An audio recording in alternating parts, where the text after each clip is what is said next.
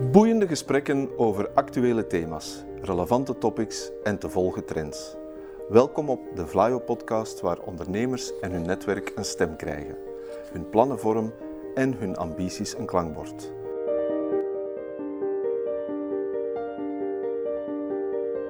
To the point waar het kan, dieper gravend waar het moet. Inspirerend, informerend, ondersteunend. Van artificial intelligence, blockchain en circulaire economie tot digitale zorg. Wij knopen het in jouw oren.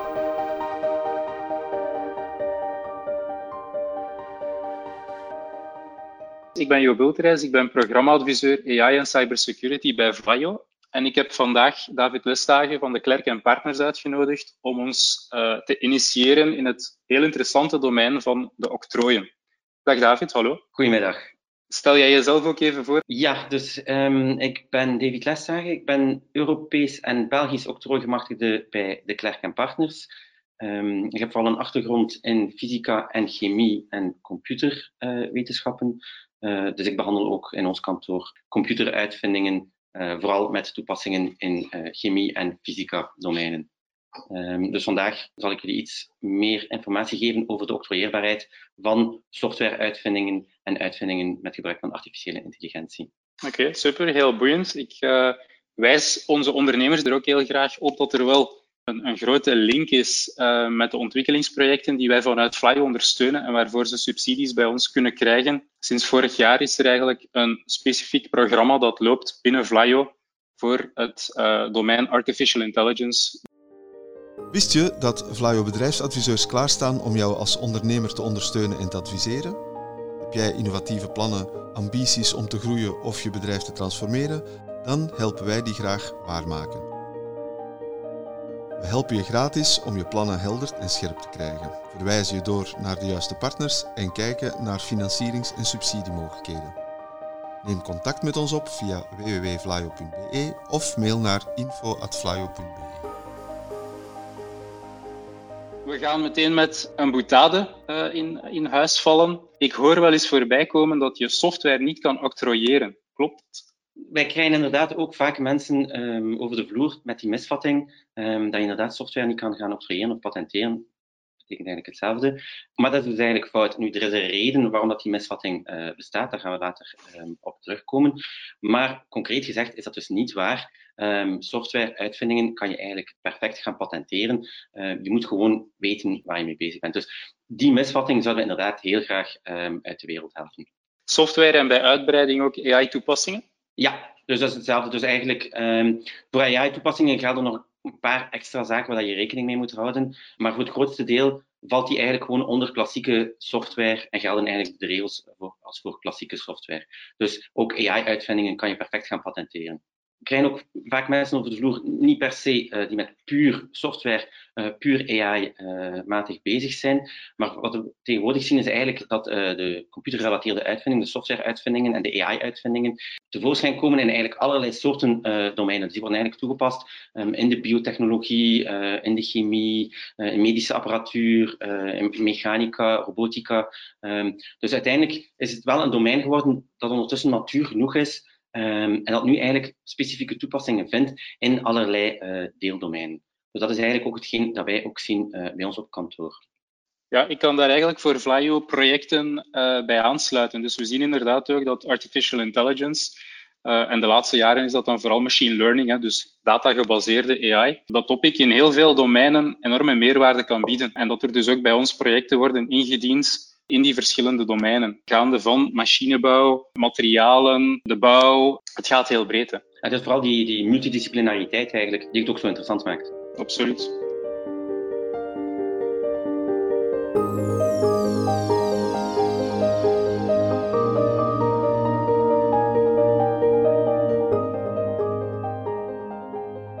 David, waarom zou je als ondernemer een octrooi willen nemen op jouw vinding? Ja, dus je bent niet verplicht um, om te gaan octrooieren. Dat is uiteindelijk een vrije keuze. Het kost ook geld natuurlijk. Um, er zijn wel vragen die je daarbij kan stellen van oké, wat is eigenlijk de waarde uh, van mijn octrooi? Nu, hetgeen waar de meeste mensen automatisch van uitgaan is inderdaad een octrooi um, geeft je eigenlijk het recht om iemand anders te gaan tegenhouden om je producten te gaan namaken. Ik denk dat daar misschien ook uh, een belangrijke misvatting soms over bestaat. Mensen denken soms dat ze, omdat ze een patent hebben, dat ze zelf iets mogen doen. Nee, een patent geeft je het recht om iemand anders te gaan tegenhouden. Daar moet je wel echt een duidelijk verschil tussen maken. Wat je ook rekening mee moet houden, is dat een octrooi wordt verleend per land. En is ook dan alleen maar geldig in dat land. Dus als je een Belgisch octrooi hebt, mag je misschien wel iemand in België uh, tegenhouden uh, om je product te gaan namaken.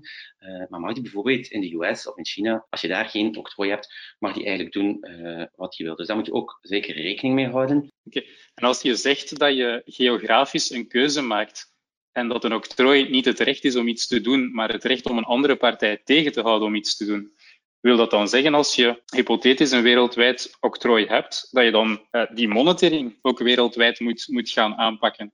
Want als je het niet weet, kan je iemand natuurlijk niet tegenhouden.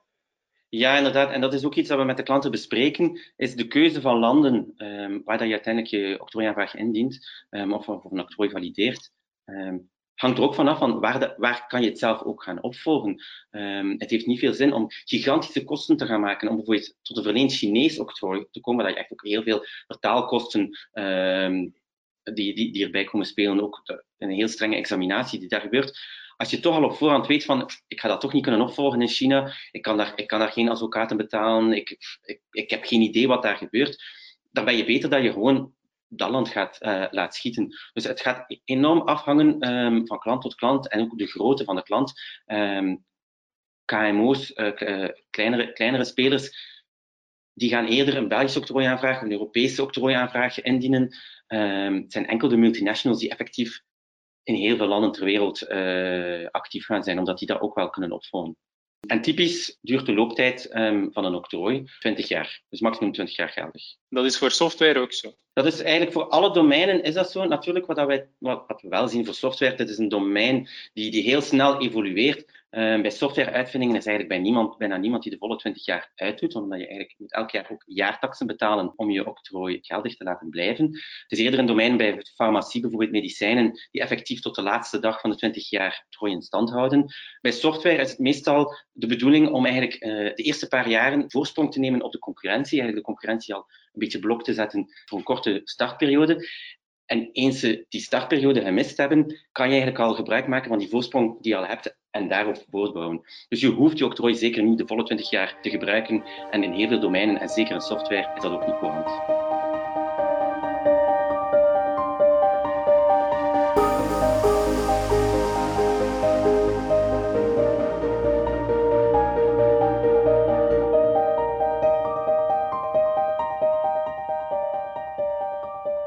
Zijn er nog andere redenen, naast het feit dat je dan een concurrent kan tegenhouden, om jouw vinding op de markt te brengen, om een octrooi te nemen? Ja, zeker. Um, zelfs denk ik, uh, een heel aantal van onze klanten dienen eigenlijk octrooiaanvragen in. Uh, niet puur voor die exclusiviteit, maar ook om andere redenen.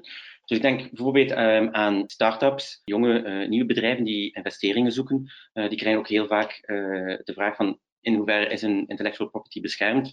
Natuurlijk, als je geld zoekt, uh, een investeringsmaatschappij of een investeerder gaat niet zomaar uh, jou heel veel geld geven als uiteindelijk een andere partij heel gemakkelijk uh, met de technologie kan weglopen.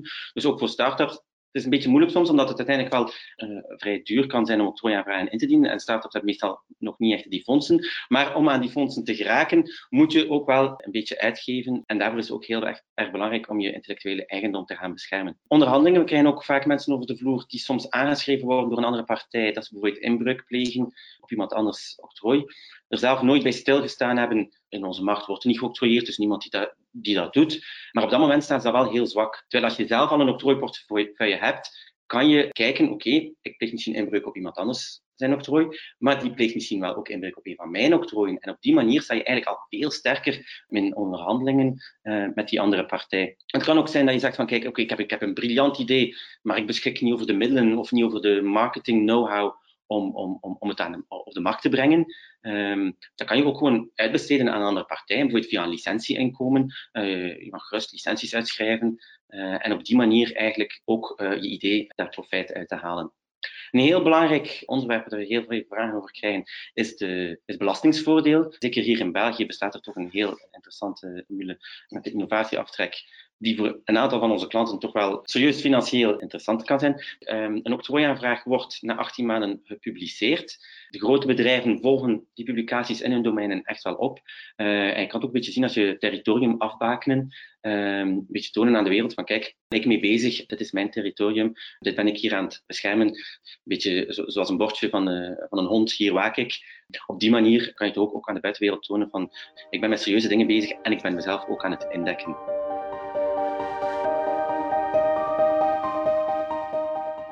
David, je zei dat het een voordeel kan zijn om een octrooiportefeuille te hebben in onderhandelingen. Maar misschien kan je ook vermijden dat je in dergelijke onderhandelingen terechtkomt. Hoe kan je eigenlijk gaan zien dat jouw vinding nog niet geoctrooieerd is door een andere partij? Ja, dat is niet evident. Dat is ook een service die alle octrooiemachtigden uh, aanbieden. Uh, we noemen dat Freedom to Operate studie, dus de, de, de, vrijheid tot exploitatie. Daarvoor moeten we eerst in eerste instantie kijken in welke landen dat je product op de markt wil brengen. Zoals ik net gezegd heb, het is, het is, het is geografisch beperkt. Dus we moeten al gaan kijken in specifieke landen. En dan moeten we gewoon een, een, een grondige zoektocht doen. Nu, je kan dat zelf snel via Google Patents of Espasnet. Maar als je niet echt goed weet welke terminologie dat er gebruikt wordt, welke keywords dat je moet gaan zoeken, gaat die zoektocht niet altijd de meest relevante resultaten opleveren. Je kan aan een octrooigemachtigde vragen om dat te doen. Uh, dus dat is ook een service die alle octrooikantoren aanbieden. Maar daar opnieuw, dat is niet goedkoop, uh, een dergelijke zoektocht. Je hebt nooit 100% de garantie dat een bepaald octrooi niet bestaat. Dus we kunnen, we kunnen niet, het negatieve kan je niet bewijzen. Er bestaat altijd een kleine kans dat er toch iemand iets geoctrooieerd heeft. De meeste mensen weten wel wie hun rechtstreekse concurrentie is, dus die moet je wel goed in de gaten houden. Goed kijken of, uh, hoe actief dat zij zijn op octrooimarkt. Maar heel vaak worden er ook zaken, uh, octrooiaanvragen ingediend door niet de usual suspects. Voor sommige klanten doen we ook gewoon een regelmatige search. Dus gewoon om de, om de drie maanden of om de maand een geüpdate search waar we kijken van oké, okay, met deze keywords of in dit domein uh, zijn dit eigenlijk de meest uh, recente aanvragen. Maar het is, het, is, niet gemakkelijk. Vanuit Flyo proberen wij ondernemers daar ook uh, ondersteuning in te bieden. Dus op de Flyo website worden regelmatig sessies aangekondigd waarin dat Spasnet bijvoorbeeld dan en de werking en de functionaliteit en de voordelen daarvan aan ondernemers toegelicht worden. Hoe vind je dat? Wel, je gaat gewoon naar www.flyo.be, waar je trouwens ook een heel interessant dossier dat meer in de breedte over intellectuele eigendom gaat, kan terugvinden.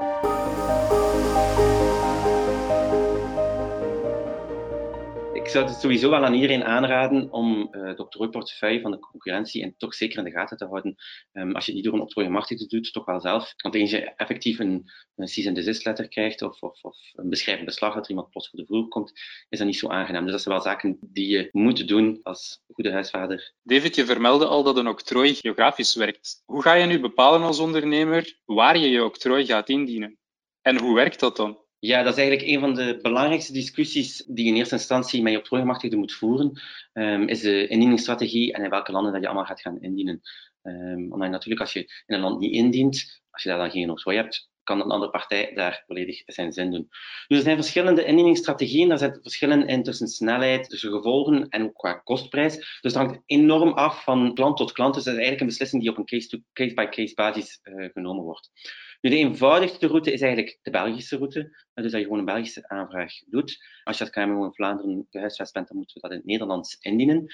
Nu, een Belgische aanvraag heeft het voordeel, het wordt naar het Europese octrooibureau gestuurd voor een uh, onderzoek. Dus wordt door een Europese examiner uh, onderzocht. Dus wel een kwalitatief hoogstaand onderzoek. Maar je betaalt eigenlijk maar een fractie van die kostprijs. Uh, dus dat is eigenlijk het grote voordeel. dus qua indieningstaxen is dat eigenlijk de goedkoopste methode. En je krijgt eigenlijk al na zes à negen maanden een onderzoeksrapport al een goed beeld gaat geven van oké, um, is mijn uitvinding octrooieerbaar of niet. Het andere grote voordeel van een Belgisch octrooi is dat die eigenlijk na 18 maanden wordt gepubliceerd en ook automatisch verleend.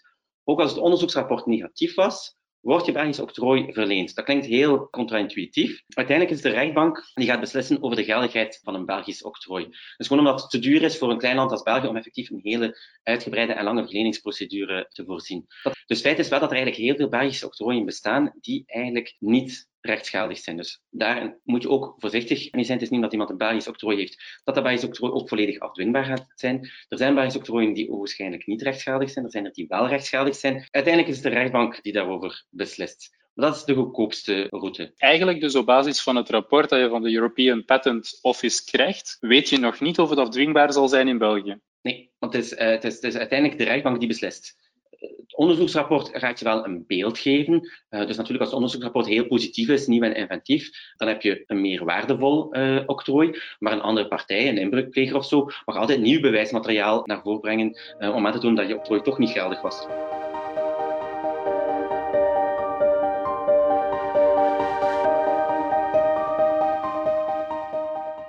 Dus een tweede route die eigenlijk heel vaak gebruikt wordt, is de Europese route.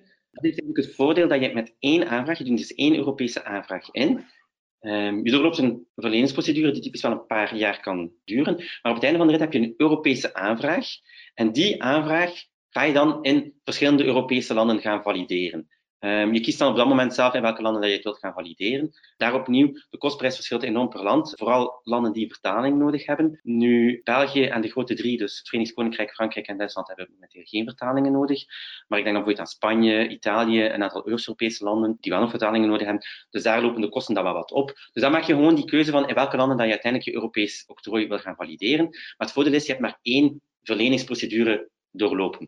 Het Europees octrooiverdrag heeft ook niets te maken met de Europese Unie. Dus wij trekken ons niets aan van de brexit. Um, als je kijkt naar het plannetje, zie je ook IJsland, Noorwegen, Zwitserland, Turkije. Landen die niets met de Europese Unie te maken hebben, um, vallen ook onder het Europees octrooiverdrag. Dus eigenlijk met een Europees octrooi kan je echt wel geografisch Europa gaan beschermen. Het nadeel daarvan is dat de uh, indieningskosten uh, een beetje duurder zijn dan uh, de Belgische indieningskosten, maar het wordt wel onderzocht door dezelfde examiner. En dan een derde route, dat is bijvoorbeeld een internationale aanvraag. Een internationale aanvraag leidt uiteindelijk niet tot een verleend octrooi. Dus dat blijft eigenlijk een aanvraag tot 30 maanden na uh, de prioriteitsdatum, na de eerste indieningsdatum. En dan valt het eigenlijk uit elkaar in nationale en regionale octrooi aanvragen. Dus na de internationale fase ga je de US binnen, Europa binnen, China binnen en zo verder. En maar het is pas op die 30 maanden dat je de keuze moet maken in welke landen dat je wilt binnengaan. Dus eigenlijk koop je met een internationale aanvraag koop je gewoon wat tijd om na te denken in welke landen wereldwijd dat je zou willen indienen. Maar opnieuw, in elk land gaat er dan uiteindelijk een grondige examinatie volgen. Veel landen, China, Zuid-Korea, Japan, hebben ook weer die vertalingen nodig.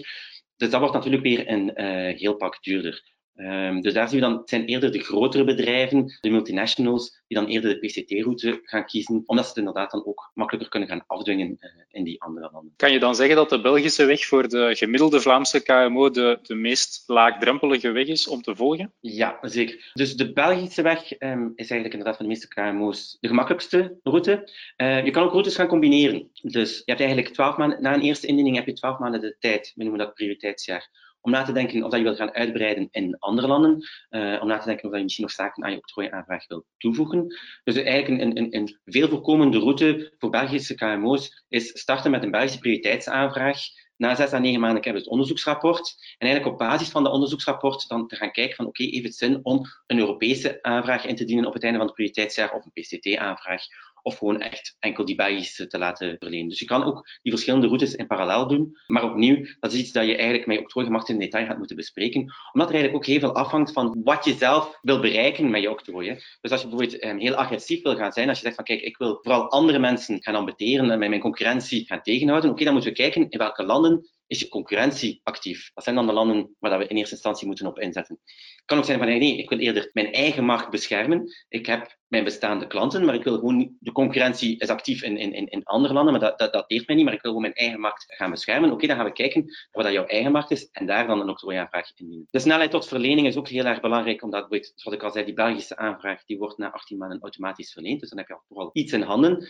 Terwijl een Europese aanvraag duurt een tijdje en je bent ook niet zeker dat je tot de verleend octrooi gaat komen. Een PCT duurt nog langer, maar dat is bewust omdat je daar extra tijd koopt om over na te denken. En dan moet je ook kijken van de concurrentie, zit die echt mij echt op de hielen? Um, of heb ik nog wat voorsprong? Dat zijn ook allemaal zaken die we in, in rekening brengen. Ook het belastingsvoordeel, natuurlijk, zeker voor de KMO's uh, die willen gebruik maken van de innovatieaftrek, gaan we vaak ook gewoon ofwel starten met een Belgische aanvraag, of als we starten met een Europese aanvraag, net per jaar ook een Belgische aanvraag indienen, omdat we dat ook tenminste al die Belgische uh, aanvraag, de Belgische octrooi al kunnen gebruiken voor die innovatieaftrek. Qua kostprijs zitten er natuurlijk wel serieuze verschillen tussen. De Belgische aanvraag is natuurlijk de meest laagdrempelige methode en de goedkoopste. Uh, maar die is natuurlijk enkel in België geldig. Daar moet je rekenen qua grote orde op het einde van de rit, omdat je uiteindelijk toch een vrij snelle verleningsprocedure hebt. Op het einde van de rit moet je rekenen tot ongeveer 10.000 euro Voor een Europese aanvraag tot aan verlening en ook validatie in een aantal landen, natuurlijk, zoals ik al zei, dat kan enorm variëren als je landen kiest die geen vertaling nodig hebben of landen die wel vertaling nodig hebben. Plus ook de jaartaxen per land kunnen ook enorm verschillen. Maar daar moet je dan wel rekenen aan een kost van 20 à 30.000 euro om toch in een aantal belangrijke landen beschermd te zijn. Ja, de bedragen die je noemt, dat zijn bedragen inclusief de begeleiding van een octrooigemachtigde, of dat is enkel om het octrooi te bekomen? Dat is de totale kostprijs. Dus dat zijn alle officiële taxen die je aan het Europees Octrooibureau of de Belgische overheid moet betalen, taalkosten, de kosten, de instandhoudingstaxen, de jaartaxen die je per land moet betalen, en de kosten van de octrooigemachtigde, die wel een, uh, een serieuze hap uit het uh, budget zijn. Maar die kost moet je echt wel maken. Uh, je kan niet zomaar zelf gewoon een, een octrooiaanvraag schrijven en indienen, uh, want dan ga je wel die officiële kosten maken, maar je gaat nooit tot een verleend octrooi geraken of je gaat nooit tot een afdwingbaar octrooi komen. Dus je hebt effectief wel die octrooigemachtigde nodig om eerst de aanvraag te gaan schrijven, maar ook om nadien in discussie te gaan, bijvoorbeeld met het Europese octrooibureau, om uiteindelijk tot een verleend octrooi te komen.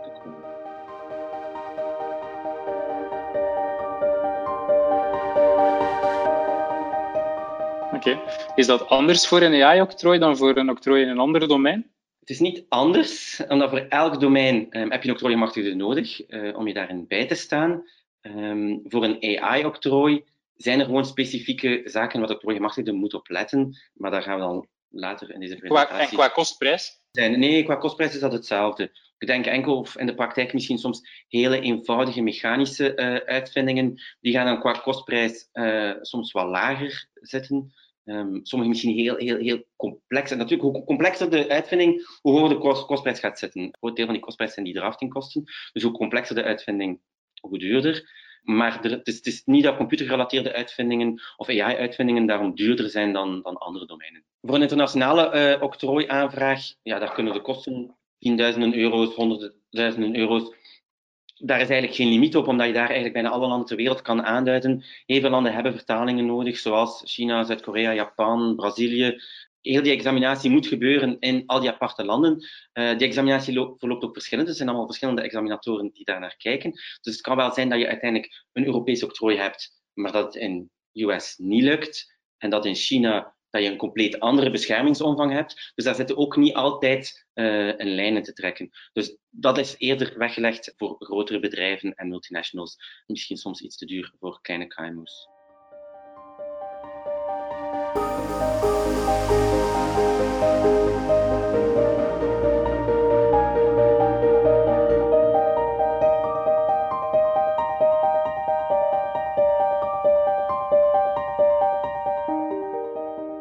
Hebben het nu eigenlijk vrij breed getrokken hè, naar, uh, naar wat is een octrooi, of welke weg volg je om een octrooi te bereiken uh, en, en op welke criteria baseer je die keuzes. Maar nu zou ik graag een beetje dieper ingaan op de voorwaarden specifiek voor een software-octrooi en dan nog meer in het bijzonder een AI-octrooi. Dus sowieso een octrooiaanvraag is een octrooiaanvraag, dus je krijgt niet automatisch een verleend octrooi. En er zijn een aantal vereisten voor de octrooieerbaarheid. Nu, een aantal van die vereisten zijn globaal geldig voor eender welke uitvinding, maar er zijn een aantal uh, kleine details, of toch een aantal minder kleine details, die belangrijk zijn voor software-octrooien of voor AI-octrooien. Ik ga in eerste instantie uh, bespreken hoe het algemeen gaat voor software-octrooien, omdat eigenlijk AI is eigenlijk gewoon een, een, een onderdeel van uh, software-octrooien. Maar nadien kunnen we wel meer in detail gaan naar wat de specifieke problemen zijn voor AI-octrooien. Ik denk voor software en AI zijn er eigenlijk drie belangrijke voorwaarden. Dus er zijn er eigenlijk een heel pak meer, maar dit zijn eigenlijk wel de drie belangrijkste in dit domein. Uh, en dat zijn de uitsluiting van software, nieuwheid en uitvinderswerkzaamheid. Uitvinderswerkzaamheid, dat is zo'n woord ik kan dat twee of drie keer zeggen, maar nadien komt dat er verkeerd uit. Dus ik ga gewoon vaak voor mijn eigen gemak het woord inventiviteit gebruiken. Dat is hetzelfde. En het belangrijkste is ook om te weten, gewoon de Belgische wet is gespiegeld aan de Europese wet. Dus alles uh, wat ik hier nu vertel over uh, software-octrooien of AI-octrooien geldt zowel in België als in Europa. In andere landen gaan er wel andere regels. Bijvoorbeeld in de US um, was het vroeger eigenlijk heel gemakkelijk om softwareoctrooien te verkrijgen. Daar is de pendel eigenlijk naar de andere kant omgeslaan, dus dat is eigenlijk een pak moeilijker geworden. De, de, de wettelijke basis ligt daar een beetje anders. Maar in de praktijk, wat wij wel zien, is dat uitvindingen die ook in Europa octrooieerbaar zijn, zijn ook vaak in de US octrooieerbaar. Dus eigenlijk zijn de US en Europa eigenlijk gewoon dichter naar elkaar toegegroeid, bij dat daar vroeger wel grotere verschillen tussen waren. Dus als je nu kijkt naar um, artikel 11.3 van het wetboek Economisch Recht, dan zie je dat je dus een uitvindingsoctrooi kan krijgen in alle gebieden van de technologie. Ik denk dat het wel belangrijk is om te herhalen. Dus ook in computeruitvindingen, software, AI. Dat valt onder alle gebieden van de technologie. Maar je moet nieuw zijn en inventief. Er is ook artikel 11.4 wetboek Economisch Recht. En dat, dat is eigenlijk het slecht nieuws artikel. Dus je zegt van kijk, oké, onafhankelijk van uh, die voorwaarden van nieuwheid en inventiviteit, worden een aantal zaken niet als uitvindingen beschouwd. Dus zelf al is het niet meer inventief, het wordt gewoon geen uitvinding beschouwd, dus je kan er geen octrooi op krijgen. Wat zijn dat? Uh, wiskundige methoden, abstracte ideeën, zaken die je eigenlijk in je hoofd uh, kan doen. Spelletjes, bedrijfsvoering, business methods noemen wij dat. Maar als je ziet dus ook in puntje nummer drie, ook computerprogramma's. En dat is eigenlijk ook de basis van die misvatting dat mensen denken van oké, software kan je niet uh, octrooieren, want kijk, dat staat letterlijk in de wet. Dus als je dan kijkt, zijn dat eigenlijk de drie belangrijkste voorwaarden waar we naar moeten kijken bij een uh, softwareoctrooi. En hoe dat eigenlijk praktisch in zijn werk gaat, hoe de Europese examiner, die zowel je Belgische octrooiaanvraag als je Europese aanvraag, zelfs je PCT-aanvraag, in eerste instantie zal beoordelen.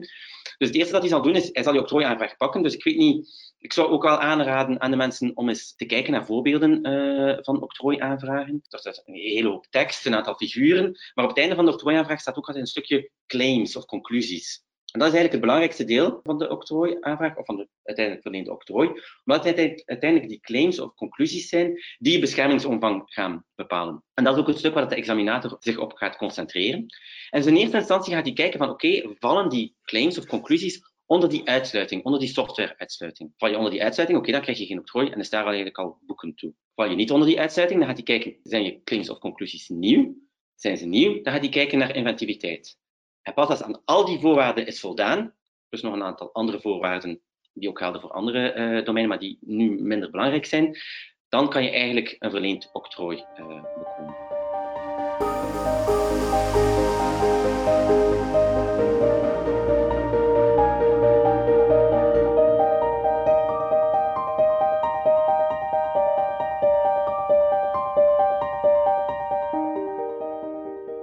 Je zegt net dat we onder die uitsluiting vallen met AI-toepassingen. En we Ja, zijn begonnen met, en we zijn begonnen met software is wel octrooieerbaar. Dit is verwarrend. Leg uit. Ja, voilà. Dus dan pakken we de wet er nog eens bij. Dan zie je artikel 11.4 wetboek economisch recht. Zie je, oké, puntje 3, AI valt hier onder computerprogramma's, wordt uitgesloten van octrooieerbaarheid. Maar dat is enkel maar paragraaf 1. Gelukkig is er ook nog paragraaf 2. En diezelfde paragraaf 2 zit ook ingebed in de Europese wetgeving. Die zegt van, kijk, oké, paragraaf 1 geldt enkel voor zover dat die octrooiaanvraag of het octrooi betrekking heeft op die onderwerpen als zodanig. In het Engels, in de Europese octrooiverdrag, as such. Dat wil zeggen dat als je een claim hebt die zegt een computerprogramma, met een bepaald algoritme, en als je het effectief opschrijft als een computerprogramma, dan valt het hieronder als zodanig. En dan word je uitgesloten van octrooieerbaarheid. Maar als je iets toevoegt aan je conclusie, dat geen deel uitmaakt van eigenlijk al die uitsluitingen in paragraaf 1, dus het moet iets zijn dat technisch is. Hoe wordt er beoordeeld wat technisch is? Eigenlijk moet je gewoon terugkijken naar paragraaf 1. Al in paragraaf 1 staat, is niet technisch. Dus als ik wiskundige stappen of zo ga toevoegen, dat is niet technisch, dat gaat mij niet helpen om uit die uitsluiting te geraken. Als ik uh, spelletjesregels toevoeg, ook een van die uitsluitingen, gaat mij niet helpen om het technisch te maken. Maar als ik bijvoorbeeld een computer toevoeg, gewoon een fysieke computer of een processor toevoeg, dat is iets technisch, die staat niet onder die uitsluiting, is dat eigenlijk voldoende om niet meer uh, dat onderwerp als zodanig te zijn en val je eigenlijk buiten die uitsluiting. Dus een beetje, komt een beetje bizar over, maar eigenlijk in de praktijk, alle computerprogramma's en ook alle AI-uitvindingen lopen uiteindelijk nog altijd in de praktijk op een computer. Dus als we enkel die computer toevoegen, vallen we uit die uitsluiting. En je kan dat eigenlijk het gemakkelijkst begrijpen als je eigenlijk de filosofie erachter weet. Uiteindelijk de bedoeling van die uitsluiting is eigenlijk om ervoor te zorgen dat zaken die je in je hoofd kan uitvoeren, niet octrooieerbaar te maken. Je mag niet iemand kunnen tegenhouden omdat hij in zijn hoofd een aantal stappen uitvoert. En het probleem is dat heel veel van de eenvoudige computerprogramma's, uiteindelijk nu is alles wat iets complexer, um, maar zeker in eerste instantie eenvoudige computerprogramma's, eenvoudige algoritmes, kan je eigenlijk in theorie ook uh, in je hoofd uitvoeren. En daarom zit die software-exclusie daarin. Maar eens dat je die computer in je claim zet, kan je het niet meer in je hoofd uitvoeren, want die computer is een integraal deel van je conclusie. En dan val je eigenlijk buiten die uitsluiting. Dus voor ons in de praktijk komt die uitsluiting eigenlijk bijna nooit voor, omdat we daar rekening mee houden. Dus als we enkel het computerprogramma zouden claimen, oké, dan is een probleem, kunnen we geen patent op krijgen. Maar als we claimen het computerprogramma dat loopt op een computer, het wordt uitgevoerd op een computer, dan is het niet uitgesloten. Er zijn een heel aantal manieren. semantiek eigenlijk. Ja, het is echt het is, het is semantiek, um, maar er zit, wel een, er zit wel een redenering achter. Het is echt puur om te gaan tegenhouden dat je puur abstracte ideeën, abstracte algoritmes zou kunnen gaan beschermen. Dat is eigenlijk de filosofie erachter. Maar dus die filosofie kan je eigenlijk oplossen door die computer erin te steken. Heel vaak, um, wat we zien, uiteindelijk proberen we heel vaak gewoon een bepaald algoritme te beschermen. Een algoritme beschermen door een methode die een aantal stappen heeft. Daar voegen we gewoon het woordje computer geïmplementeerde methode bij. Die computer zit erin en die uitsluiting uh, is opgelost. Er zijn ook andere manieren om wat te doen. Je kan ook echt de computer zelf gaan claimen, een opslagmedium, een datastroom. Er zijn verschillende manieren om dat probleem op te lossen. Dat is puur semantisch eigenlijk, want in de praktijk verandert er eigenlijk niets. Maar op die manier moet je eigenlijk van die uitsluiting geen zorgen maken. Maar het is wel die uitsluiting die voor die belangrijke misvatting gezorgd heeft, waardoor mensen denken dat je software of AI-uitvindingen niet zou kunnen octrooieren.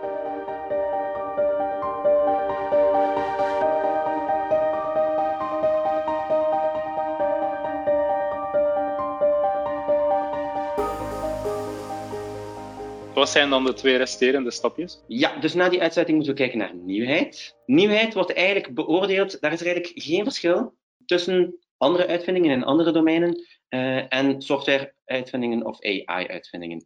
Nu, kort voor nieuwheid is, stel nu bijvoorbeeld, um, we hebben een conclusie, een methode, een algoritme met een aantal stappen. Het is een computer geïmplementeerde methode, omdat we al die uitsluiting overleefd hebben. Um, dan gaat de examinator kijken naar de stand van techniek. Wat is de stand van techniek? Dat is eigenlijk alles wat publiek is gemaakt voor de indieningsdatum van jouw eigen octrooiaanvraag. Um, alles dat publiek is gemaakt op eender welke manier, dus ook mondelinge publiekmakingen, websites, het moet niet per se ook uh, geschreven materiaal zijn. Eender waar, dus dat kan ook in China zijn of in Brazilië, in eender welke taal, dus ook in het Chinees.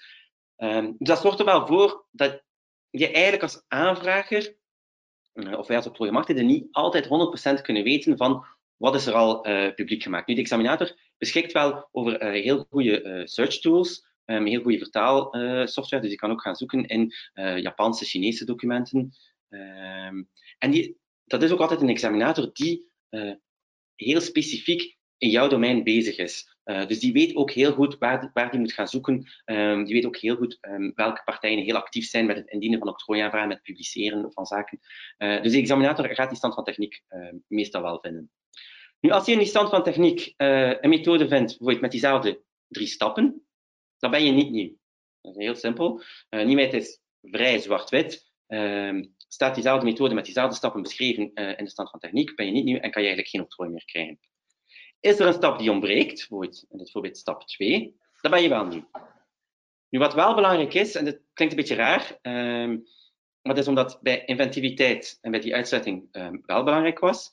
Voor nieuwheid wordt er niet gekeken naar technisch karakter. Um, dus die stap die nieuw is, mag perfect gewoon een wiskundige stap zijn. Dat mag perfect uh, een algoritmische, maar een abstracte stap zijn. Voor een AI-uitvinding uh, mag dat perfect iets zijn zoals het aantal lagen in je neuraal netwerk of data training set uh, die je gebruikt hebt. De zaken die eigenlijk onder die uitsluiting vallen en als niet technisch worden voorzien, kunnen wel nog altijd zorgen voor de nieuwheid van je octrooi.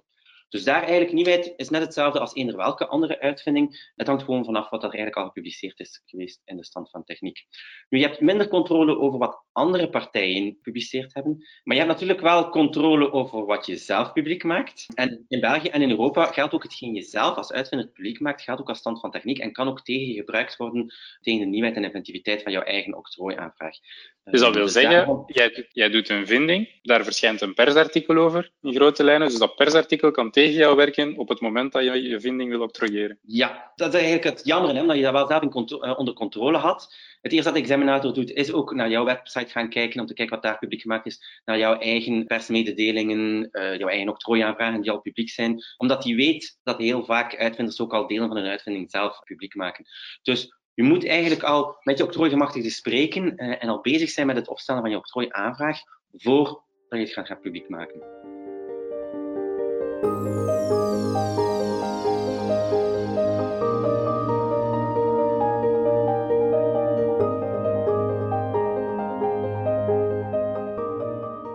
Wanneer maak je je vinding dan publiek? Ja, dat is een vraag die we eigenlijk heel vaak krijgen. Nou, natuurlijk snappen, het heeft natuurlijk geen zin om je uitvinding de hele tijd geheim te houden. Je wil het op de markt brengen, je wil, wil het gaan promoten. Sowieso mag je het niet publiek maken voor je eerste indiening. Dat mag niet, eh, omdat je dan eigenlijk de nieuwheid van je eigen octrooiaanvraag eigenlijk uh, al om zeep hebt geholpen. Het liefst, als octrooigemachtigde, hebben wij het liefst dat je je uitvinding nog geheim houdt en dat je die pas publiek maakt na publicatie van je octrooiaanvraag, dus na 18 maanden na indiening. Nu, 18 maanden na indiening, wij weten ook uit ervaring, wij snappen ook dat dat voor de meeste mensen echt compleet niet haalbaar is. Zij willen hun product uh, uh, zo snel mogelijk op de markt brengen. Dus dan hebben we het liefst dat je wacht tot 12 maanden na de indiening. Omdat, ik heb al kort gesproken over het prioriteitsjaar. Dus dat prioriteitsjaar geeft je een jaar de tijd om na te denken over in welke landen dat je misschien wil gaan uitbreiden en of dat je misschien zaken wil gaan toevoegen aan je octrooiaanvraag. Maar natuurlijk, als je zaken gaat toevoegen, dan verlies je prioriteit. En dan gaat hetgeen dat je publiek gemaakt hebt in dat prioriteitsjaar, kan ook tegen jou gebruikt worden, ten opzichte van alles dat toegevoegd wordt. Dus daar opnieuw, daar raad ik gewoon aan van even kort met je octrooigemachtigde te spreken. Maar als je per se toch alles publiek wil gaan maken, onmiddellijk de dag na de indiening, of de dag van de indiening zelf, dan moet je er gewoon voor zorgen dat al hetgeen dat je publiek gaat maken, toch zeker in die eerste octrooiaanvraag deftig besproken is en deftig opgenomen wordt. Um, dus sowieso niets publiek maken voor de indiening. Wil je voor de indiening toch met andere partijen daarover spreken, uh, dan mag je dat wel doen onder NDA of geheimhoudingsovereenkomst, want dan gaat het niet als een uh, publieke bekendmaking. Maar wees voorzichtig, let op met wat je op je website zet, wat je op beurzen toont. Voor software is dat minder relevant, maar zeker in andere domeinen uh, gebeurt het heel vaak dat een publieke bekendmaking van de uitvinder voor de indieningsdatum tegen ons gebruikt wordt. Wat is het derde criterium? En dus het derde criterium is inventiviteit. Inventiviteit, voor de meeste, voor de klassieke domeinen is dat al een beetje een moeilijker criterium, omdat dat meer een subjectief criterium is. Eigenlijk een groot deel van onze onderhandelingen als octrooigemachtigde met het Europees Octrooibureau, om eigenlijk de examiner te gaan overtuigen dat de uitvinding wel inventief is. Voor software en AI is het toch ietsje moeilijker. Dus daar gaan er nog wel extra regels die het daar iets moeilijker maken. Wat is het verschil tussen nieuw en inventief? Er wordt maar gekeken naar inventiviteit als je nieuw bent. Dus als je niet nieuw bent, wordt er niet gekeken naar inventief. Ja, dus je moet al nieuw zijn. Als je nieuw bent... Dus je hebt, je hebt aan je algoritme een stapje toegevoegd. Voilà. Dus je hebt ja. een nieuw algoritme. En dan? Ja, dus als je nieuw bent, dan gaat de examinator kijken, wat is het verschil met hetgeen dat bestaat. Er moet een verschil zijn, maar anders was je niet nieuw. Dus dat kan die extra stap zijn. In de volgende stap gaat de examinator zeggen van oké, okay, welk technisch probleem heb je daarmee opgelost? Ja, want inventiviteit is de vereiste eigenlijk, je wil een niet voor de hand liggende oplossing voor een bepaald technisch probleem. Als je dat hebt, ben je inventief. Als je een voor de hand liggende oplossing hebt, dan ben je niet inventief. Dus het is niet omdat je nieuw bent dat je dus ook een octrooi gaat krijgen. Je moet ook effectief kunnen aantonen dat je inventief bent. Dus je hebt een verschil, je hebt die extra stap, ja, die lost een bepaald technisch probleem op, en dan gaat de examinator zoeken naar een tweede document. Nieuwheid is altijd ten opzichte van één document of één publieke bekendmaking. Inventiviteit wordt bekeken ten opzichte van twee documenten. Het eerste document, waar je eigenlijk maar een klein verschil mee had, waarover dat je nieuw was, en laat de examinator kijken naar wat hij in het tweede document vindt, waar dat, dat verschil in staat. En dat je eigenlijk, als je die twee documenten samenlegt, toch aan heel jouw uitvinding komt. Dat je eigenlijk een soort puzzel maakt van die twee documenten. Maar het feit is wel dat de examinator mag niet eender welke twee documenten combineren. Daar zijn bepaalde regels voor. Die regels verschillen ook, uh, die zijn ook verschillend bijvoorbeeld in Europa en in de US. Maar dus in Europa en in België wordt er gekeken van, kijk, oké, welk technisch probleem los je op? En als iemand start van het eerste document en die wil dat technisch probleem oplossen, zal die dan dat tweede document raadplegen en zal die dan in dat tweede document de oplossing voor dat probleem vinden. Als er natuurlijk in dat tweede document staat van kijk, als je dit probleem hebt, kan je dat oplossen door deze stap toe te voegen, ja, dan ben je niet inventief. Dan mag de examinator die twee documenten combineren. Staat er in dat tweede document niets over die tweede stap, of staat er misschien iets over die tweede stap, maar gaat het over iets helemaal anders, dan hebben wij argumenten om te gaan zeggen van ja, maar nee, je kan niet zomaar die documenten combineren, want er is geen reden om die documenten te gaan combineren, of zelfs als je die documenten combineert, kom je niet tot een oplossing. Dus eenvoudig gesteld, de examinator gaat proberen aantonen dat jouw algoritme niet inventief is. Hij gaat ja. een zo sterk mogelijke case bouwen om, om dat te weerleggen. Slaagt hij daar niet in, dan voldoe, voldoe je aan het criterium. Ja, dus examinator gaat altijd zo negatief mogelijk proberen zijn. Dus in eerste instantie gaat hij altijd zijn dat je niet nieuw bent of niet inventief. En dan is het ook aan ons om tegenargumenten te gaan formuleren of soms ook de conclusies aan te passen om daarop in te spelen of op daarop te antwoorden. En uiteindelijk moeten wij de examinator gaan overtuigen dat je uiteindelijk die combinatie niet kan maken of dat er zo geen combinatie bestaat. En dan ben je wel inventief. En dan krijg je een verleend octrooi. Nu, voor uh, softwareuitvindingen en AI-uitvindingen is het iets moeilijker. Ik ga dat nu misschien kort spreken aan de hand van een voorbeeld. Dus we hebben een, een eerste conclusie die een aantal stappen heeft. Er is een document teruggevonden. De examinator citeert een eerste document D1. Maar er zijn drie stappen die niet beschreven staan in D1, dus we zijn nieuw. Dus dat stuk hebben we al.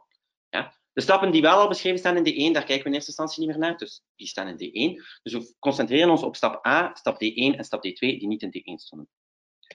De examinator heeft nu bijvoorbeeld een tweede document gevonden, D2, waar dat de stappen D1 en D2 in beschreven staan, um, maar stap A staat er nog altijd niet in beschreven. In een dergelijke situatie gaat de examinator zeggen van oké, je bent inventief, want stap A ontbreekt nog altijd.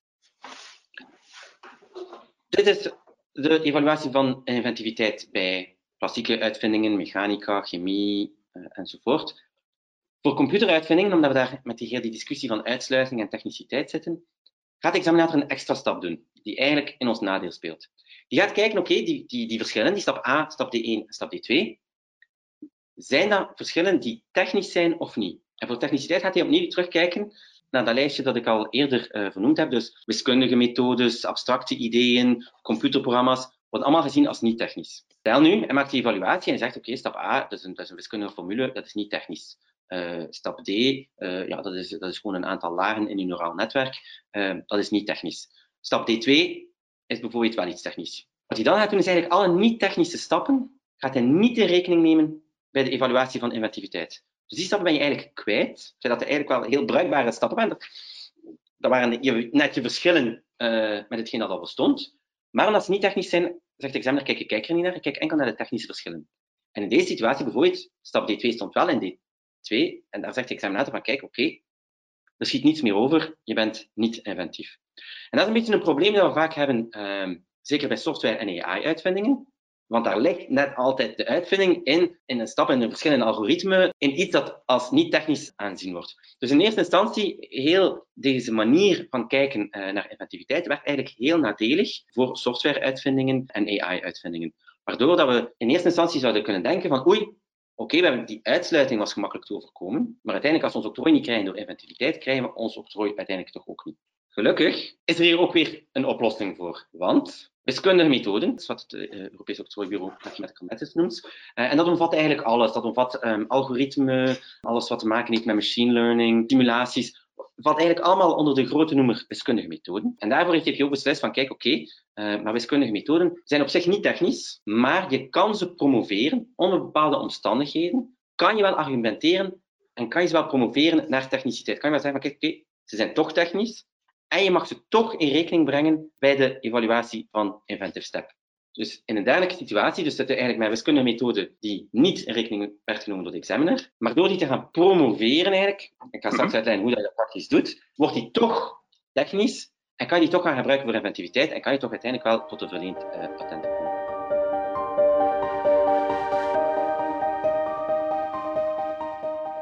Hoe kan je nu die promotie doen? Um, er zijn twee manieren dat je dus die wiskundige methode technisch kan gaan maken. Dat is ofwel door een specifieke applicatie in een technisch domein, of aangepast tot een specifieke technische implementatie. Maar die tweede uh, situatie komt eigenlijk heel zelden voor. De eerste situatie is eigenlijk de standaard situatie.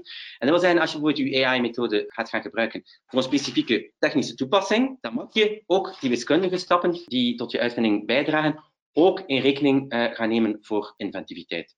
Dus uiteindelijk is dat weer het goede nieuws. Maar daar geldt wel het moet een specifieke toepassing zijn. Het mag geen generieke toepassing zijn. Dus je mag niet gaan zeggen van kijk, oké, ik, eh, ik, heb hier een nieuw neuraal netwerk uh, uitgevonden en ik claim nu de toepassing van dat neuraal netwerk in eender welk technisch domein. Nee, dat mag niet. Het moet effectief een zeer specifieke toepassing zijn die je dan uitkiest. En je gaat dan ook enkel beschermingsomvang hebben voor die specifieke toepassing. Dus het is wel een, een dubbel een mes dat aan twee kanten snijdt. Je moet je limiteren tot een specifieke toepassing om effectief die inventiviteit te kunnen gaan argumenteren. Maar aan de andere kant, je gaat ook enkel bescherming hebben voor het gebruik van je software-uitvinding of je AI-uitvinding in die specifieke toepassing. In de praktijk, wat we dan in de praktijk zien, is dat heel veel van die computerprogramma's, AI-uitvindingen, gewoon ontwikkeld worden met een specifieke toepassing in ogen. En dus eigenlijk, als we daar al van in het begin rekening mee houden, is dat probleem eigenlijk ook al opgelost. Het is de moeilijkste horde om te nemen voor uh, computeruitvindingen, maar als je er al rekening mee houdt bij het opstellen van je octrooiaanvraag, en als je al specifiek uitlegt hoe dat die wordt toegepast in een specifiek domein en daar ook al de voordelen in je octrooiaanvraag steekt, kan je eigenlijk ook die horde van inventiviteit ook uh, overleven en uiteindelijk tot een verleend octrooi geraken. Dus in wezen de drie hordes op zich zijn allemaal niet onoverkomelijk, maar je moet er wel eigenlijk al van in het begin rekening mee houden dat je met een computeruitvinding, softwareuitvinding of een AI-uitvinding zit en dat je toch met licht andere regels zit in vergelijking met andere uitvindingen.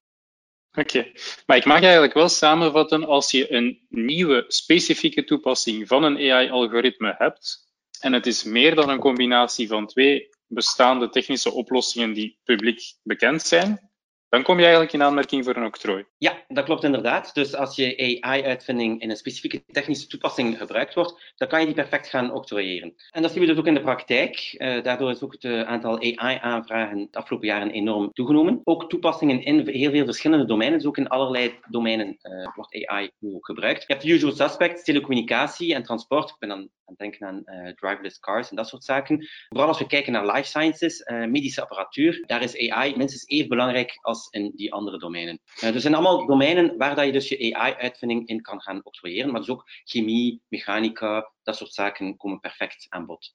Dus eigenlijk voor artificiële intelligentie hebben diezelfde drie voorwaarden waar je aan moet voldoen. Dus je hebt de uitsluiting, nieuwheid en inventiviteit. Omdat we eigenlijk weten dat we die problemen uh, makkelijk kunnen overkomen, of toch doelgericht kunnen overkomen, geldt bij AI eigenlijk hetzelfde. Dus de uitsluiting, een AI-uitvinding vindt typisch wel plaats op een computer. Die uitsluiting kunnen we eigenlijk probleemloos oplossen. Nieuwheid. Uh, bij AI-uitvindingen ligt de nieuwheid vaak in iets abstract, in iets dat niet technisch is.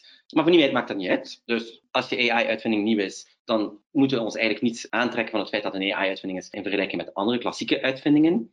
En voor inventiviteit, daar is dan het enige advies is wel van oké, okay, zorg dan wel voor die toepassing in een specifiek technisch domein. Dus als je daar te generiek bent, zal het niet lukken. Maar als je het echt gaat gaan toepassen, kan het wel lukken.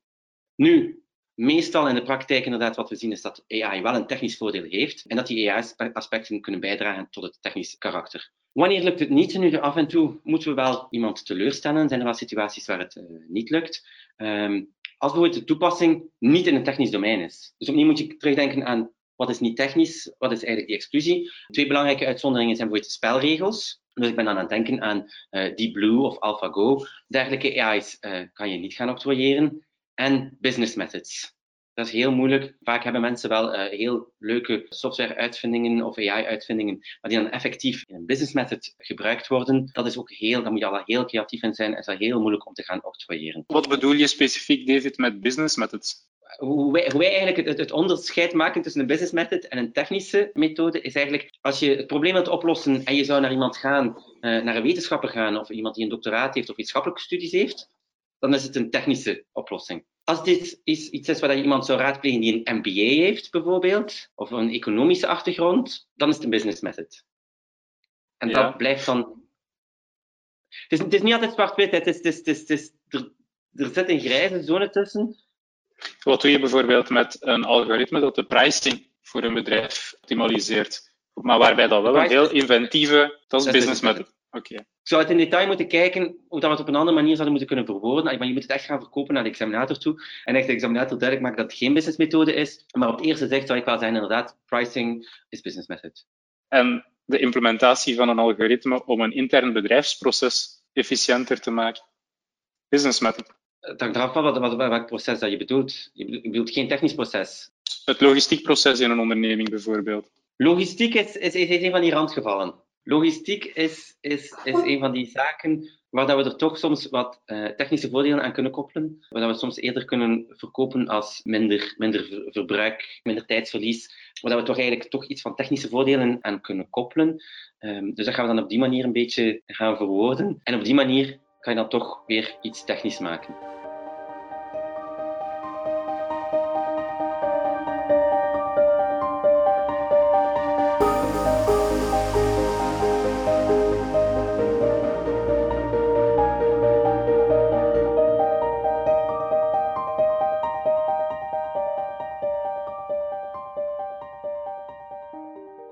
Dit is hier natuurlijk wel een heel belangrijk onderscheid met de evaluatie van innovativiteit die Flyo in een subsidietraject maakt. Dit is een afweging. Bij ons business methods zijn, zijn perfect subsidieerbaar. Ja, is, ja, misschien moeten we daar gewoon op, op ingaan. Dus het is niet iets het is niet omdat iets niet octrooieerbaar is, omdat het een puur business method is, dat het niet inventief en dat het, en dat geen innovatie kan zijn. Hè. Dus er kunnen eigenlijk heel innovatieve aspecten zitten, um, maar die uiteindelijk door omstandigheden, door de wetgeving, nu gewoon eenvoudigweg niet octrooieerbaar zijn. Die twee zaken bestaan echt volledig los van elkaar.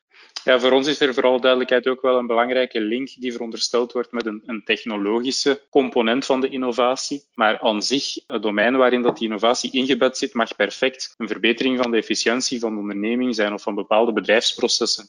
Dus in die zin inderdaad belangrijk onderscheid. Dus nu, meestal hebben we inderdaad wel promotie nodig hebben van ons niet technische aspecten. Dus het moet ons technisch doel specifiek zijn. Dus je kan niet zeggen van kijk, ik gebruik een bepaald neuraal netwerk in medische toepassingen. Dat is te generiek, um, dat gaat niet lukken. Um, maar als je zegt van kijk, oké, ik heb hier een bepaald neuraal netwerk um, dat ik gebruik om eigenlijk uh, een elektrocardiogram te gaan analyseren en daaruit onregelmatige hartslag te gaan identificeren. Dat is echt zo'n klassiek voorbeeld. Dat is heel specifiek technische toepassing de nieuwheid kan perfect in iets, eh, in een klein detail van je neuraal netwerk zitten, perfect octrooieerbaar. Zolang het nieuw en inventief is natuurlijk. Zijn er ook specifieke aspecten bij het afdwingen van een AI-octrooi? Ja, software-octrooien op zich algemeen zijn soms iets moeilijker af te dwingen. Um, heel veel software wordt gewoon op de markt gebracht als, een soort blackbox. Uh, je weet niet altijd wat de details van de algoritmes zijn. Daar bestaan wel methodes voor. Dus uh, in België mag je wel uh, zijn er wel manieren waarop je bij een concurrent zou kunnen, binnen, kunnen binnenvallen uh, om te kijken of hij uiteindelijk inbreuk pleegt of niet. Maar zeker ook bij AI-octrooien maakt het iets moeilijker dan gewoon een, mechanisch, puur mechanisch product dat je op, op, de markt brengt. Dus dat is ook wel iets dat je in rekening moet houden voordat je beslist om die kosten te maken. Want kijk, oké, ga ik wel mijn octrooi kunnen afdwingen? Maar uiteindelijk een octrooi dat je niet kan afdwingen, is uiteindelijk minder waard dan een octrooi dat heel makkelijk afdwingbaar is.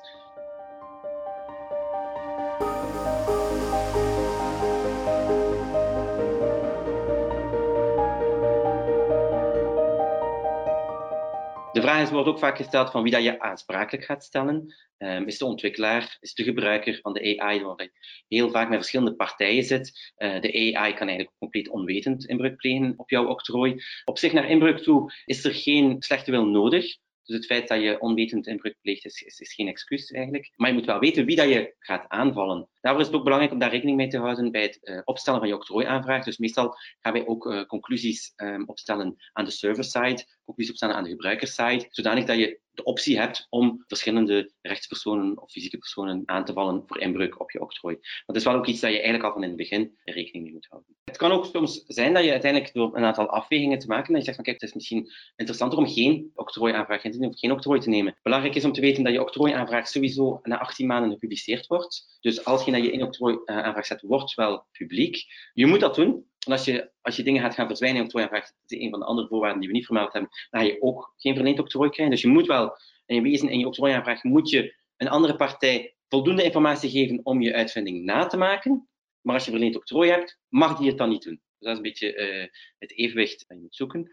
Maar het wordt wel publiek. Dus als je zegt van kijk, oké, ik wil er die kosten niet aan doen, of het gaat moeilijk afdwingbaar zijn, of het is helemaal niet octrooieerbaar, want het is echt een pure businessmethode, ja, dan is het soms beter om gewoon je know-how geheim te houden. Uh, dan we zeggen van kijk, oké, breng je uitvinding gewoon als een black box. Geef niet te veel details over je algoritme, zet niet, zet niet al te veel details op je website. Hou dat gewoon geheim. Je hoeft niet altijd te gaan octrooieren. Natuurlijk, het nadeel is wel als er dan iemand anders een gelijkaardig algoritme ontwikkelt, dat niet per se hetzelfde, maar weer hetzelfde doet, dan mag die dat wel doen natuurlijk. Het is een beetje Coca-Cola, de Coca-Cola-analogie kan je daarmee maken. Uh, waar je zegt van kijk, oké, het recept van Coca-Cola is niet geoctrooieerd. Het is een geheim recept, maar als iemand een soort namaak Coca-Cola maakt die hetzelfde smaakt, mag die dat wel doen. Hetzelfde kan je doen met je software-uitvindingen, je kan het perfect geheim houden. Um, zeker voor software kan je dat gemakkelijk. Uh, voor mechanische uitvindingen kan je dat niet altijd, die, die kan je uit elkaar wijzen. Maar software-uitvindingen kan je soms echt wel gemakkelijk geheim houden. Dus dat is ook wel zeker een afweging, zeker een afweging naar kosten, baten, moet je ook soms de beslissing maken van kijk, oké, okay, we gaan niet verder om te octrooieren. Hoe moeilijker het is om het te reverse engineeren, hoe meer je de, de keuze moet overwegen om het niet te octrooieren. Ja, ja. Als het heel gemakkelijk is te reverse engineeren, dan, dan moet je eigenlijk bijna altijd gaan octrooieren, anders kan je de mensen gewoon niet tegenhouden. Uh, maar zeker bij software gaan er wel situaties zijn. Maar dat is opnieuw iets dat je met je octrooigemachtigden moet bespreken. Uh, het is ook iets, iets dat je op case-by-case -case basis gaat beslissen of het eigenlijk zinvol is om te gaan octrooieren of niet.